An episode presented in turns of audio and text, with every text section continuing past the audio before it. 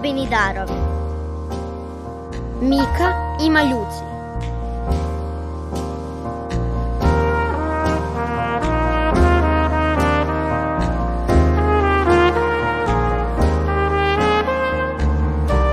Miko, dete, ne jedi toliko hleba.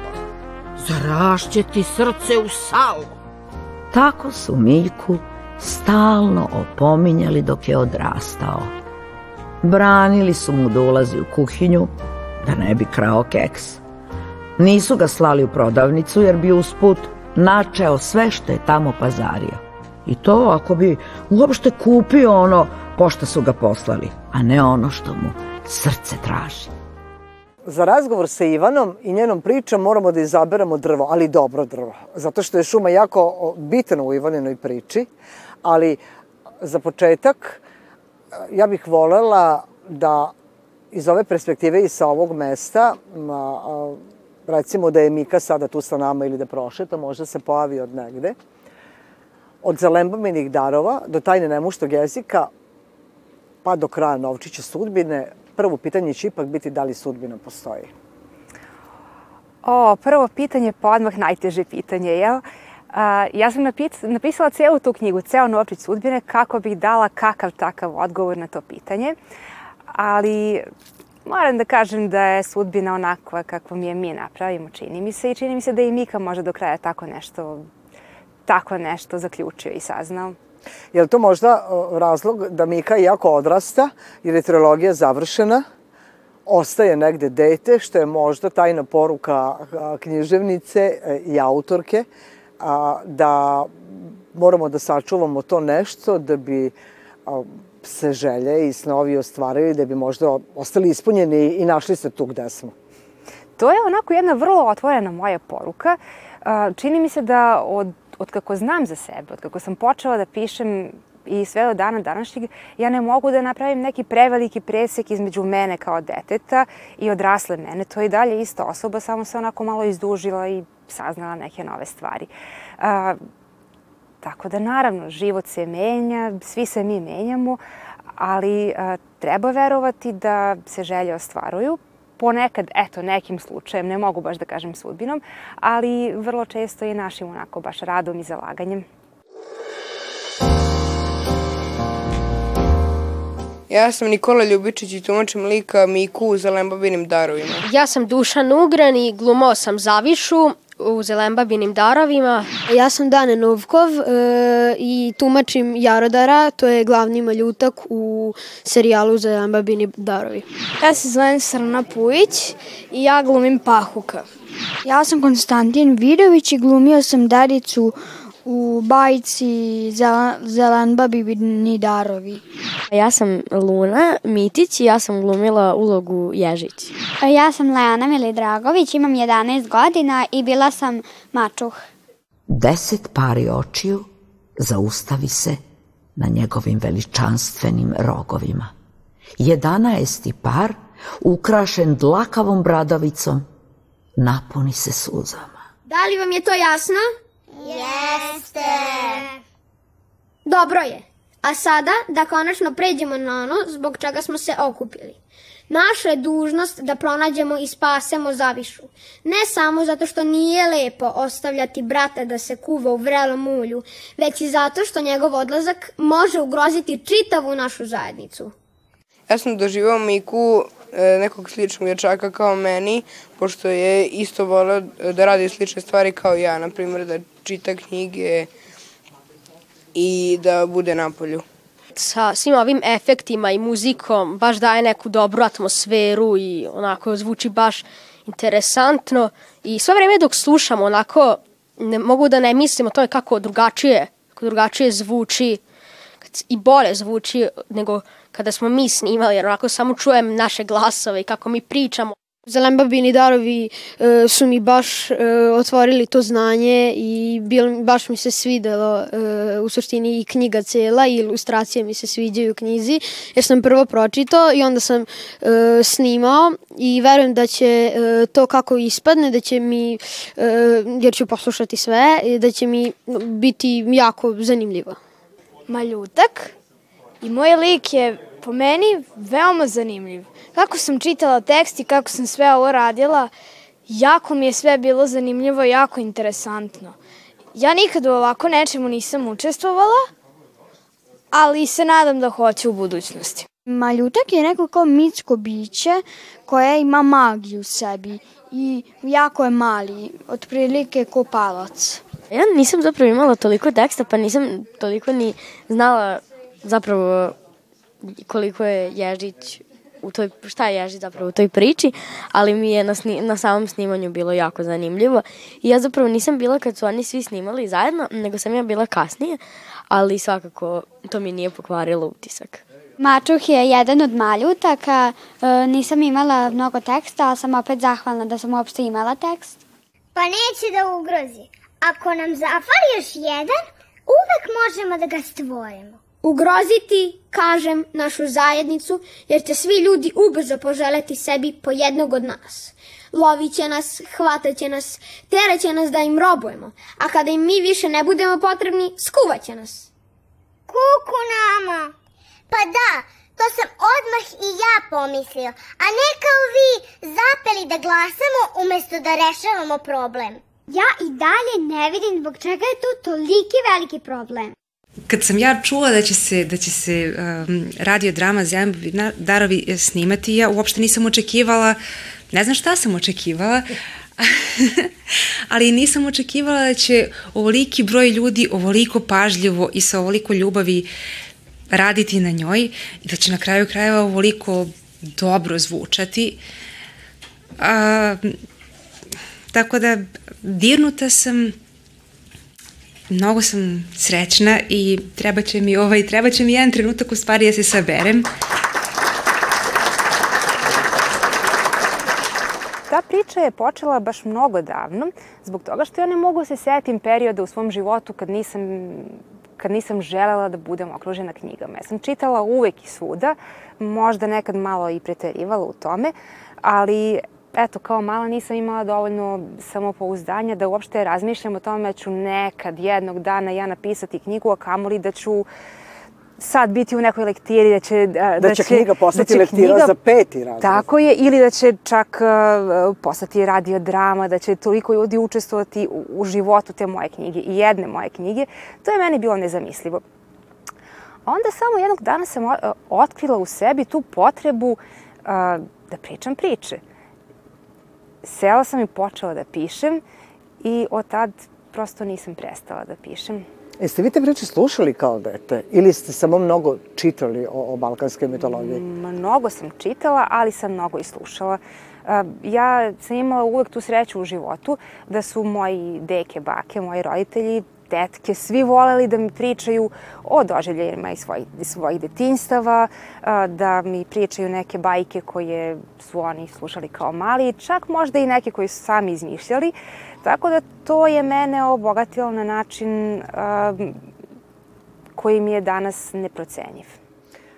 Da li to znači da je poruka i uspeh na kraju krajeva i završena trilogija razlog da uh, i možda podsjetnik da treba da slušamo priče i treba da deci pričamo priče jer su jednako važne kako za najmlađe, tako i za odrasle. Apsolutno. Treba da slušamo i da pričamo i onako ponekad stvarno naročito u nekim onako prelovnim trenucima detinstva i mladosti budemo kao ja, to, to mene smara, pa ja ne mogu ponovo da slušam ovu priču sto puta, ali u stvari kad prođe neko vreme vi vidite da svaki od tih sto puta se vama polako ureziva, ureziva u sećanje i, i donosi vam nešto novo.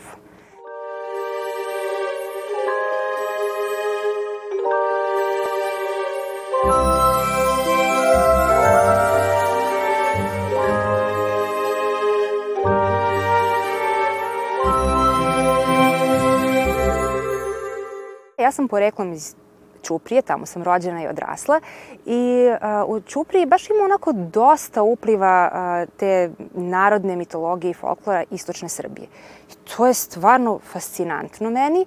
Uh, I kad sam ja počinjala Miku da pišem, odnosno Zelembabu, to je bilo pre više od 10 godina i tada ta naša mitologija nije bila toliko zastupljena u književnosti. Sada jeste, na sreću i naravno sa promenljivim uspehom, ali mnogi, mnogi pišu, došli su na istu ideju kao ja, što je sjajno. Meni je baš bilo žao, zašto svi znaju za Zevsa, zašto svi znaju za, ne znam, Tora i Lokija, a niko ne zna za, za Svaroga, niko ne zna za biće iz naše mitologije. Koja je izuzetno, naša mitologija je zapravo izuzetno bogata. Dobro, vi to i sa, sa profesionalnog aspekta možete da, s obzirom da ima toliko toga. Zašto mislite da je to toliko ostalo zaposleno, a zaista je bogatstvo neverovatno?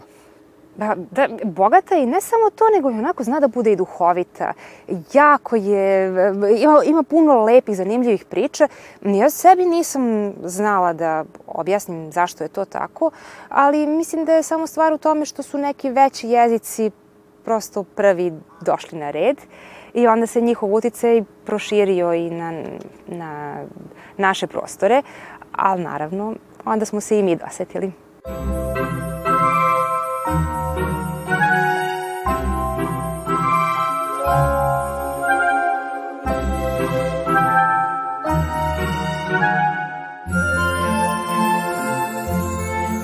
U svakoj priči mitološkoj ili se bojimo, pa onda dobijemo poruku da taj strah treba da pravljamo, da se suočimo i da zapravo ne postoji razlog za strah. Negde kroz Mikine doživlje avantura od početka pa do zaokruživanja trilogije i to jeste neka nit. Da li je to možda takođe to neka podsvesta poruka u vašem pisanju i igri, jer nekako sve doživljavam kao igru, da, da budemo stvarno spremni na izazove. Rekli ste na početku strah je nepostojeća kategorija. Da, pa mislim, ja sam bila prilično strašljivo dete. Jeste vi, jeste vi takvi bili kao yes, dete, kao Mika? Jesam, ja sam baš bila kao Mika. Volila sam da čitam, tako novi izazovi su mi ponekad bili malo, malo strašni, uh, ali nema rasta bez preva... straha. Ok, mora da postoji sigurno, ali nema, nema rasta, nema razvoja bez, bez ono što se kaže izlaska iz sigurne zone e, i, i bez prevazilaženja. Nekad moramo da radimo stvari koje su nam neprijatne, nekad moramo da, da, da pogledamo oči u oči e, osobe i, i stvari koje su nam strašne i da kažemo pa dobro, šta sad, bojim se, ali uradit ću to.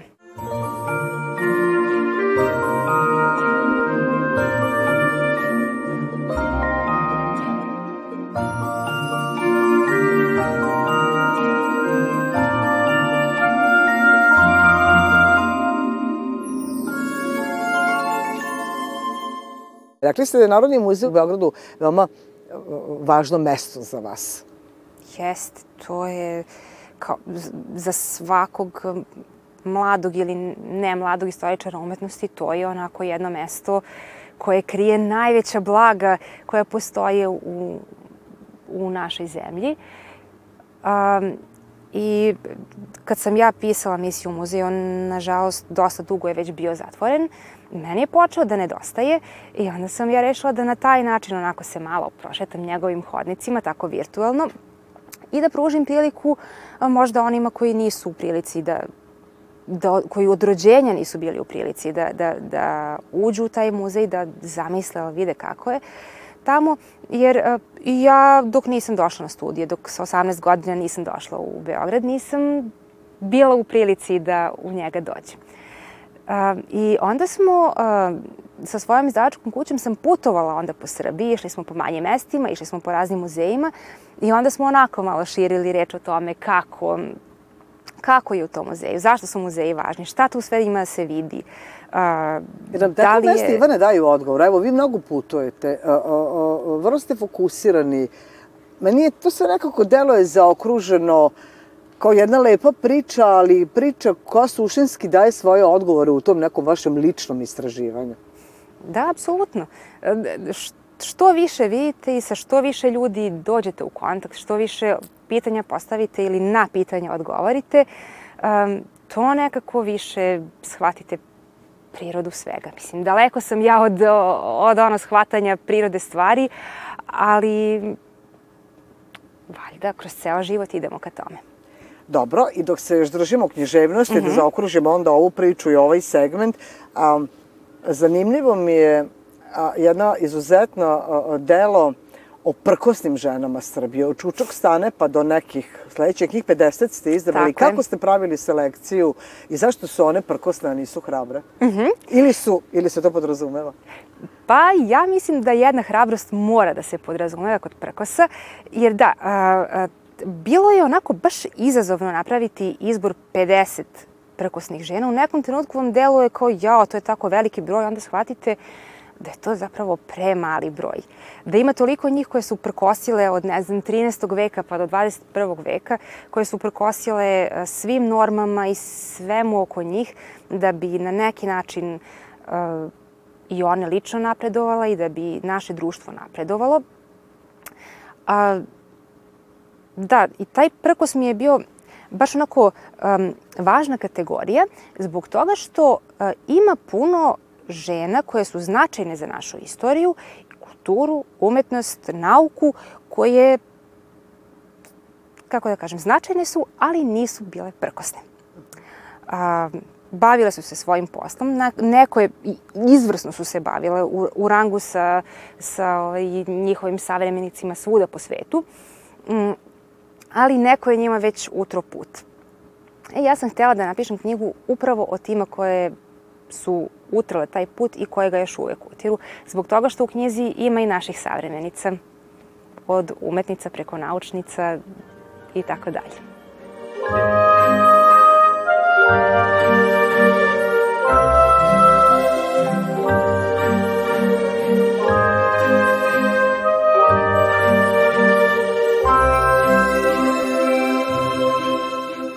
Ivana piše. Ivana je istoričar umetnosti, Ivana putuje, Ivana voli šumu. E, onda hoću da znam zašto je Uzbekistan vaša priča. Hmm. Da, Uzbek, u Uzbekistanu nema baš ni malo šume. to je baš ovaj, uh, baš jedno onako pustinsko mesto. I ja sam se tamo obrila igrom slučaja. Međutim,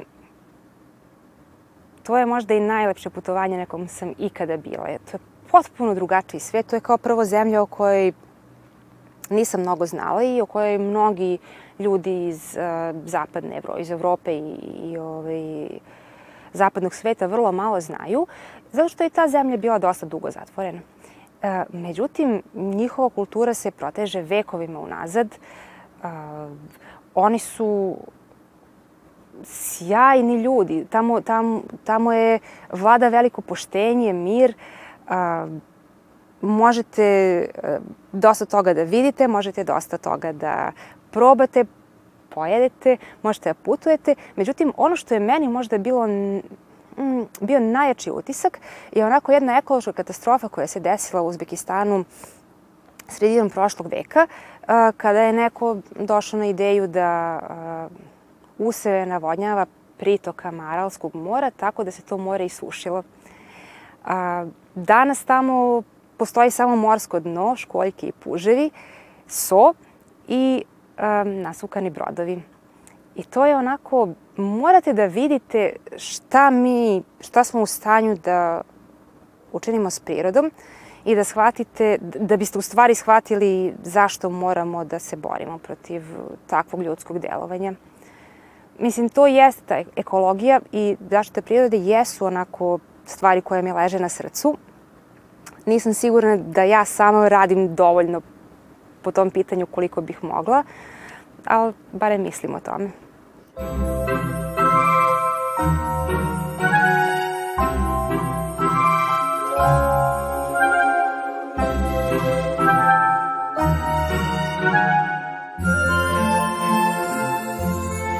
Ivana, onako ljudi koji vas znaju, znaju, koji vas ne znaju, bit će prilično iznenađeni. Stvarno ste svestrani. U toj svestranosti se veoma važan segment.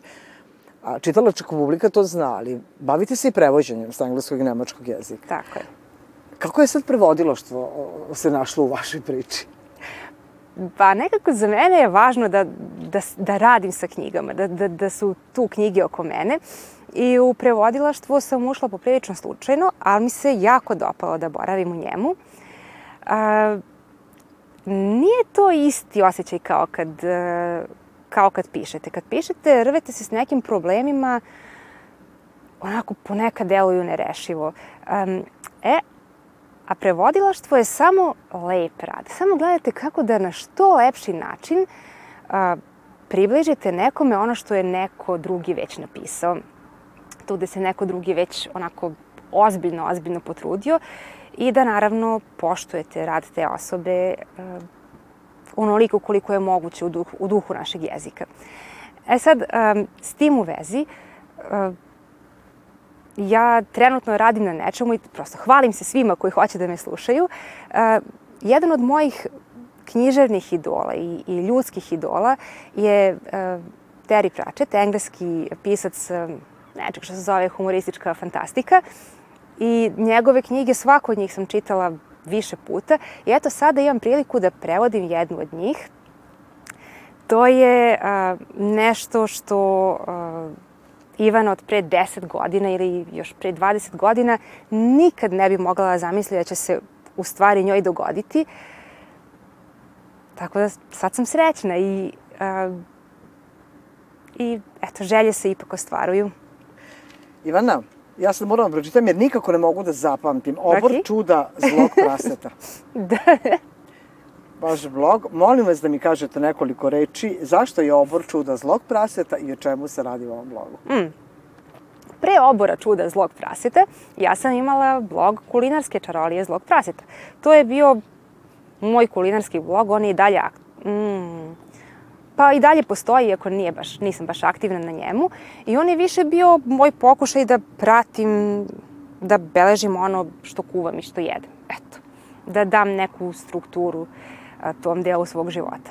E, onda sam poželjela da pišem i neke druge stvari koje se nisu uklapala u koncept tog bloga. I onda sam tom svom zlom prasetu napravila jedan novi dom, a gde prase živi nego u oboru. Sad, koncept tog njegovog, to je, to je počelo da bude kao neki, mislim, samo ime je parodija kabineta čuda. E, kabineti čuda su u stvari neka vrsta primitivnih ranih muzeja. To su bila neke prostorije uh, ili pa da, velike prostorije u koje su uh, bogataši i vladari nabacivali sve moguće zanimljivosti koje nađu. Oni nađu zanimljivu uh, zanimljivu stenu pa donesu, nađu um, neku džidžabidžu pa donesu, nađu presovanu biljku donesu i onda stoje i dive se. E tako i ja. Zanimljivosti opšte prakse, stavim na to jedno web mesto i onda možda nekom bude zanimljivo, meni jeste zanimljivo. E, onda polako je taj blog nekako prerastao malo i u putopisni blog, mm, ali ne znači da će se zadržati na tome, ko zna. Vi